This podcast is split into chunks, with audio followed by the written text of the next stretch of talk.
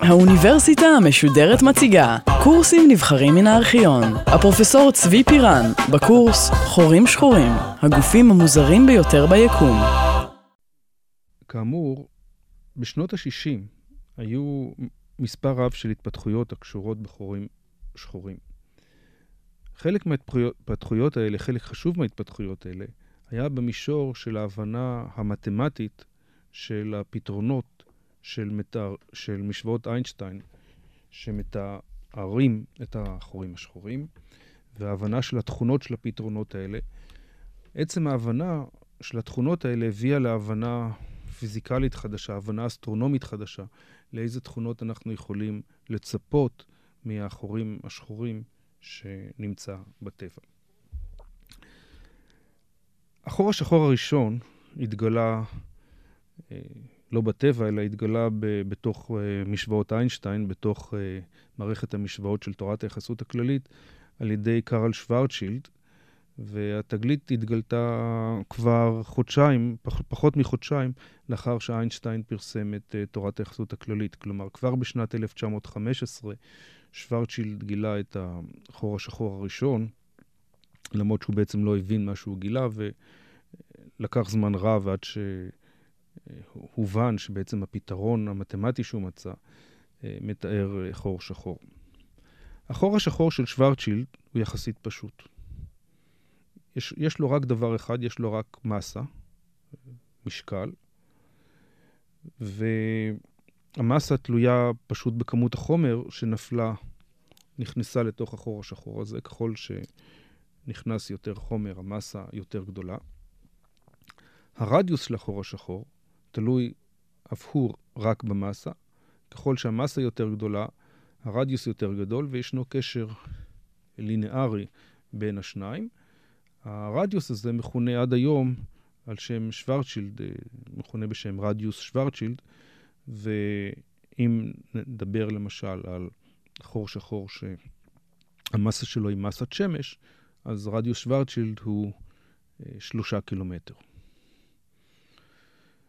אמ, המבנה הפנימי בתוך חור שחור של אה, שוורצ'ילד הוא יחסית פשוט, פשוט אבל מסובך. ברגע שאנחנו עוברים את רדיו שוורצ'ילד, את, את השפה של החור השחור, את האופק, אז אנחנו חייבים לנוע פנימה לעבר המרכז של החור השחור. אנחנו נגיע למרכז תוך זמן קצר מאוד, ובמרכז ניתקל בנקודה סינגולרית, בסינגולריות, בנקודה בעייתית שעוד נחזור ולדבר עליה. וברגע שנגיע לאותה נקודה במרכז, ולא רק אנחנו, אלא כל מה שנופל לתוך החור השחור הזה, חייב להגיע לנקודה הזאת, לאותה נקודה שנמצאת במרכז. החומר נעצר, ואין לו לאן להמשיך משם. מצד אחד, הוא לא יכול להישאר באותה נקודה, מצד שני אין לו לאן ללכת. ו- וזה הפרדוקס שקיים במבנה הפנימי של uh, חורים שחורים, ב- ב- uh, בסינגולריות שקיימת בתוכם, שעוד נרחיב עליה את הדיבור. כאמור, החור השחור של שוורצ'ילד מאופיין רק על ידי דבר אחד, רק על ידי המסה, כמות החומר שנפלה לתוכו. מספר שנים לאחר מכן, אה, הפיזיקאים רייסנר ונורדסטרום גילו שייתכן חור שחור קצת שונה. רייסנר ונורסטום שוב פתרו את משוואות איינשטיין, אבל פעם בצורה קצת אחרת, והוסיפו לבעיה מטען חשמלי. והם גילו שייתכן מצב שבו חור שחור, שיש לו מסה, יהיה טעון במטען חשמלי. כלומר, הם גילו פתרון שמתאר חור שחור טעון. חור שחור כזה יפעיל כוח משיכה על כל גוף שנמצא בסביבתו. בנוסף לכך, אם הגוף יהיה טעון במטען חשמלי, החור השחור ימשוך או ידחה את המטען לפי המטען שיש לה, החשמלי שיש לגוף ה... שנמצא בסביבתו. כלומר, נניח שאנחנו מדברים על חור שחור שהוא טעון במטען חיובי, אם אנחנו נביא לקרבתו גוף שטעון במטען חיובי, מכיוון ששני מטענים חשמליים חיוביים דוחים אחד את השני, אז החור השחור הזה יפעיל על גוף שנמצא בסביבתו כוח משיכה גרביטציוני שימשוך את הגוף, וכוח דחייה חשמלי שידחה את הגוף. ובמצבים מסוימים, אם המטען החשמלי מספיק גדול, אז ייתכן שכוח הדחייה יגבור על כוח המשיכה והמטען הזה אה, שאנחנו מקרבים לחור השחור לא ייפול לתוכו בגלל הדחייה החשמלית. כלומר, המשחק מסתבך פה, ובעוד שבחור שחור אה, רגיל של שוורצ'ילד ישנו רק אה, אפקט של הגרביטציה, פה אנחנו צריכים להסת... להתייחס לשני אפקטים. מצד אחד האפקט של הגרביטציה, ומצד אחד האפקט של המטען החשמלי. הקיום של המטען החשמלי גם משנה קצת את הרדיוס של החור השחור של רייזנר ונורסטרום, והרדיוס הזה קצת שונה מהרדיוס של חור שחור של שוורצ'ילד עם אותה מסה. המטען בעצם מקטין קצת את החור השחור. ותכונה נוספת שקיימת לחור השחור הזה של אה, רייסנר ונורדסטרום, שישנו גודל מקסימלי של מטען שאפשר לתת לחור שחור. אם יש לחור שחור מסה M, אז קיים גודל מקסימלי למטען החשמלי שאני יכול לשים עליו. ואם אני אנסה לטעון את החור השחור יותר מדי, החור השחור יסרב להיטען במטען הנוסף הזה. כלומר, ישנו מקסימום למטען, עבור מסה נתונה ישנו מקסימום למטען שאנחנו יכולים אה, לשים על הגוף הזה. הפתרון הזה הוא מאוד מעניין, בין השאר מכיוון שהמבנה הפנימי שנמצא בתוך החור השחור הזה, המבנה הפנימי של החור השחור של רייסנר ונוסטרום, שונה לחלוטין מהמבנה הפנימי הפשוט של אה, חור שחור מסוג שוורצ'ילד, ונקודה זאת, אה, נרחיב עליה את הדיבור בהמשך, ונחזור אליה בהמשך. נקודה מאוד מרתקת. הקיום של חור שחור טעון בתור פתרון עקרוני הוא דבר מעניין, אבל לא כל כך חשוב מבחינה אסטרונומית, מבחינת תצפיות, מכיוון שבטבע אנחנו לא מצפים למצוא גופים טעונים.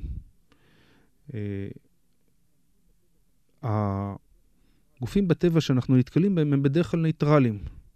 מכיוון שיש הרבה מאוד מטענים אה, אחרים, אה, אלקטרונים, הם, יש להם מטען שלילי, פרוטונים יש להם מטען חיובי, ולאלקטרונים ולפרוטונים האלה בדרך כלל קל מאוד לזוז. אם אנחנו מנסים ליצור באיזשהו מקום ריכוז יותר מדי גדול של מטען חיובי, המטען החיובי הזה תכף ימשוך אליו אלקטרונים ממטען שלילי שינטרלו אותו. וזאת הסיבה של, שבדרך כלל אנחנו לא מוצאים בשום מקום באופן ספונטני אה, אזור שטעון. רוב.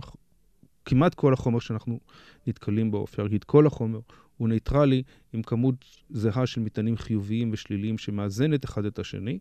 וגם בטבע, אם ייווצר לרגע איזשהו חוסר איזון וחור שחור יהיה טעון טיפה חיובית, אז תכף הוא ימשוך אליו יותר אלקטרונים שינטרלו אותו, או אם הוא במקרה יטען באופן שלילי, אז הוא תכף ימשוך אליו יותר פרוטונים שינטרלו אותו, ואנחנו לא מצפים למצוא, למצוא דבר כזה בטבע. אבל מה שאנחנו כן מצפים ליצור בטבע זה חור שחור מסתובב.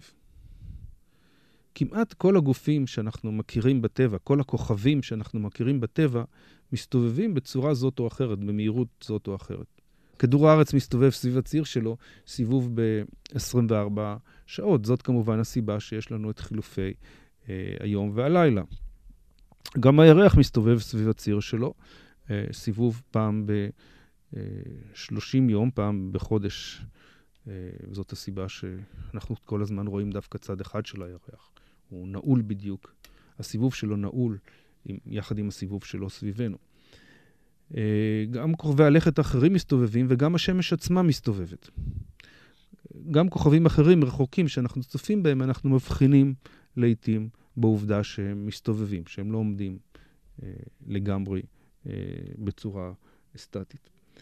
ולכן, אם חורים שחורים שאנחנו מצפים למצוא בטבע אה, נוצרים מכוכבים, אז אנחנו מצפים שגם החורים השחורים האלה יסתובבו. וכאן התחיל חיפוש די ארוך, חיפוש מתמטי בתוך uh, משוואות איינשטיין, אחר uh, פתרון מתמטי שיתאר uh, חור uh, שחור uh, מסתובב. החיפוש היה, היו לו עליות ו- ומדרונות, היה אפילו שלב שבו הייתה הוכחה מתמטית שנבעה מאיזו טעות, uh, שמלווה בקוריוז מסוים, אה, מטעות אה, פשוטה שהוכיחה שלא קיימים חורים שחורים מסתובבים. אבל אה, בשנת 1962 המתמטיקאים קר ושילד מצאו פתרון מאוד משונה של משוואות איינשטיין, והפתרון היה פשוט יפה מבחינה מתמטית. הם, הם פשוט חיפשו פתרונות אה, מעניינים מבחינה מתמטית, ומצאו פתרון שנראה להם נורא מעניין, פתרון חדש שנראה להם נורא מעניין. אה, והם שמו לב, והפתרון אה, נקרא פתרון של קר ושילד, והם ציינו שהפתרון הזה מעניין ויש לו תכונות מעניינות שכדאי לחקור אותן. בשלב זה, אה, קר, שהיה נמרץ יותר וסקרן יותר, התעמק בפתרון הזה, וגילה שהפתרון הזה, שהם גילו אותו פשוט בגלל שהיו לו תכונות מתמטיות יפות, מכיל גם תכונות פיזיקליות נהדרות, ובעצם הפתרון הזה של קר ושילד מכיל בתוכו, ובצורה מאוד מוסווה, חור שחור מסתובב. ובאמת החור השחור המסתובב נקרא מאז החור השחור של קר על, על שמו של קר. החור השחור הזה, יש לו תכונות אה, שונות מהחור השחור של שוורצ'ילד. והתכונה הראשונה נובעת מהשפעת הסיבוב על הסביבה. דבר שאנחנו לא מכירים בחיי יומיום, אבל דבר שמנובע על ידי אה, תורת היחסות. לפי תורת היחסות, אם אנחנו נמצאים בסביבה של גוף שמסתובב, אז אנחנו נרצה להסתובב גם בעצמנו. הסיבוב של הגוף הגדול שנמצא בקרבתנו ישרה עלינו סיבוב גם כן. זאת אומרת, אם אנחנו נראה משהו מסתובב, אנחנו, או נהיה בקרבת משהו מסתובב יותר נכון, אנחנו נרצה להסתובב גם כן בעצמנו. לא תהיה לנו ברירה, אנחנו נתחיל להסתובב באותו כיוון שבו הגוף הגדול אה, מסתובב. אה, זו תופעה שמנובאת לפי תורת היחסות, אבל תופעה שעדיין לא, מעולם לא נמדדה. התופעה הזאת, כיום מנסים למדוד את התופעה הזאת, ובאחד הניסיונות הארוכים ביותר בתולדות המדע. זה ניסיון שהתחילו לבנות אותו באמצע שנות ה-70, והוא עדיין לא שוגר לחלל. ניסיון אמור להכיל את הג'יירוסקופ המדויק ביותר שנבנה אי פעם, הג'יירוסקופ הזה מכיל מערכת שאמורה להכיל בתוכה אה, מכשיר מדידה שמסוגל למדוד שערה של בן אדם ממרחק של קילומטר.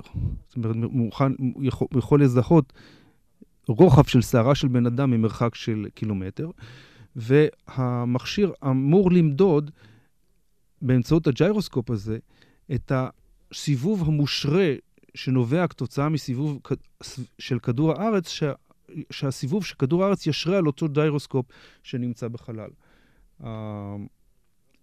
הלוויין הזה, המכונה Gravity Pro B, אה, אמור להיות אה, משוגר אה, כל יום. למעשה המצב הזה הוא, הוא לא חדש, כבר משנות ה-70 הוא אמור להיות משוגר עוד מעט. אבל עכשיו הוא באמת כמעט מגיע לסיומו, ועוד מעט באמת נוכל להבחין במדידה הזאת, שנחשבת לאחת המדידות הקשות ביותר שיבוצעו אי פעם כאשר היא תבוצע. מה הקשר בין הלוויין הזה ובין התופעה ובין החור השחור? החור השחור שמסתובב, כאשר יש לנו חור שחור שמסתובב, האפקט הזה של השראה של סיבוב על הסביבה הופך להיות כל כך חזק בקרבת החור השחור, שאנחנו מגיעים למצב שסביב החור השחור ישנו אזור שמכונה ארגוספירה, שבו כל המרחב חייב להסתובב בצורה אה, עצומה. כלומר, ישנו אזור מסביב לחור השחור שבו אנחנו לא יכולים לעמוד במקום, אנחנו חייבים להסתובב. ואנחנו שוב פעם נתקלים בדיון על חור השחור בפרדוקס המלכה האדומה. המלכה האדומה, כזכור מאליסה בארץ המראה, חייבת לרוץ בשיא כוחה בשביל אה, להישאר במקום. זה מה שקורה ב- בשפה של הארגוספירה. הגוף שמתקרב לארגוספירה, אם הוא רוצה לעמוד במקום ולא להסתובב, הוא צריך להילחם בכוח של החור השחור שמנסה לסובב אותו, וזה עדיין לפני שהוא נפל לתוך החור השחור. אנחנו נמצאים מחוץ לחור השחור, אבל השפעת הסיבוב היא כל כך חזקה, שאנחנו צריכים לרוץ בכל הכוח שלנו, כלומר, לרוץ במהירות האור, רק בשביל לא להסתובב. אם ניכנס לתוך הארגוספירה, אז שם לא נוכל לעשות שום דבר, והסיבוב אה, יסחוף אותנו ונסתובב סביב החור השחור הזה. אה, הארגוספירה חשובה גם מסיבות אחרות, מכיוון שבתוך הארגוספירה ישנם אזורים שבהם אה, בעצם הארגוס, כל תוך הארגוספירה זה אזור שבו אה, חלקיקים יכולים להיות עם אנרגיות שליליות, וזה אומר שבעצם אנחנו יכולים לעשות מין ניסיון אה, דמיוני, שבו ניקח גוף, נזרוק אותו לתוך ה... ארגוספירה, לא לתוך החור השחור, לתוך האזור הזה שקיים ליד החור השחור. ניתן לו להתפרק שם בתוך הארגוספירה לשני חלקים. חלק אחד ייפול לתוך החור השחור, על אותו חלק תהיה אנרגיה שלילית, והחלק שיחזור החוצה ויצא מהארגוספירה ויחזור אלינו, יחזור עם אנרגיה יותר גדולה ממה, שהוא, ממה ששלחנו אותו. כלומר, זה מין תהליך, התהליך שמכונה דרך אגב תהליך פנרוס, הוא תהליך שבו אה, אנחנו לוקחים חומר, זורקים אותו לעבר החור השחור, ושם הוא חוזר אלינו עם יותר אנרגיה ממה שקיבלנו אותה, ממה שזרקנו אותו, וככה אנחנו יכולים להפיק אנרגיה. מאיפה אנחנו מפיקים את האנרגיה הזאת? בעצם אנחנו עוצרים תוך כדי התהליך הזה את החור השחור, ואנחנו אה, מפיקים ככה אנרגיה מאנרגיית הסיבוב של החור השחור הזה. אז מה ראינו עד עכשיו? ראינו שישנו, ישנם שלושה סוגי חורים שחורים, חור שחור מסוג אה, שוורצ'ילד, שיש לו רק מסה, חור שחור מסוג רייזנר נורסטרום, שהוא טעון, וחור שחור, שחור מסוג קר, שהוא מסתובב. כלומר, הוא מאופיין על ידי מסה וסיבוב. ואפשר לנחש כבר שאת שלושת הדברים האלה אפשר לחבר, והכללה של שלושת הדברים האלה זה חור שחור שנקרא חור שחור מסוג קר ניומן, שהוא, יש לו מסה, וכל חור שחור חייבת להיות מסה, הוא מסתובב, יש לו סיבוב, ויש לו מטען חשמלי. וכאן בא הדבר המדהים, והמשפט המפורסם של ווילר, של ג'ון ווילר, שאומר שחורים שחורים הם קרחים. אלה שלושת הפרמטרים היחידים שיכולים להיות לחור שחור. לחור שחור לא יכולות להיות תכונות נוספות. יכולה להיות לו מסה, יכולה, יכולה, יכול להיות לו מטען חשמלי, ויכול להיות לו סיבוב. פרט לזה, אין לו תכונות שונות. מה הכוונה? אנחנו יכולים לדמיין חור ש... דרכים שונות ליצור חור שחור. אנחנו יכולים ליצור חור שחור על ידי אה, על ידי זה שאנחנו בונים אותו ממתכות כבדות. אנחנו יכולים ליצור חור שחור על ידי זה שאנחנו בונים אותו מגז מימן. אנחנו יכולים ליצור חור שחור על ידי זה שאנחנו בונים אותו ממים, או, או כל חומר אחר שנדמיין. ברגע שנוצר החור השחור, לא אכפת לחור השחור ממה יצרנו אותו. כל התכונות המקוריות שהיו לחומרים השונים שאנחנו יצרנו מהם את החור השחור נמחקות. פה הכוונה לזה שהחור קרח. אין לו שערות ג'ינג'יות או, או בלונדיניות או, או, או שחורות או מקורזלות ש, שיאפיינו, שידגימו, יציינו תכונות שונות. אלא אך ורק של שלושת התכונות האלה. מסה, מטען חשמלי וסיבוב, כאשר אה, בטבע, כמו שהזכרתי, אנחנו לא מצפים למצוא מטען. מטען חשמלי אנחנו לא מצפים למצוא, מכיוון שמטען חשמלי אנחנו מצפים שאם במקרה יהיה חור שחור שהוא לרגע טעון, הוא תכף ינוטרל על ידי חומר שנמצא בסביבה. מה שאנחנו כן מצפים למצוא בטבע, אם ככה, זה חורים שחורים אה, מסתובבים. חורים שחורים אה, שיש להם מסה ו, אה, וסיבוב בלבד.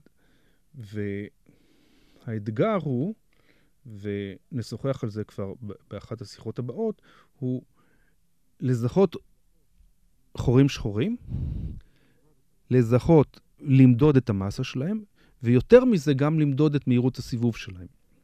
ואנחנו נראה באחד השיחות הבאות, שבאמת אנחנו, יש דרך תצפיתית ישירה להבחין באותו סיבוב ולהבדיל בחור שחור שנמצא במרחק של אלפי שנות אור מאיתנו, להבחין ולהבדיל ולש... ולראות האם החור הזה מסתובב או לא מסתובב, ולהבחין ולאבחן אה, אותו.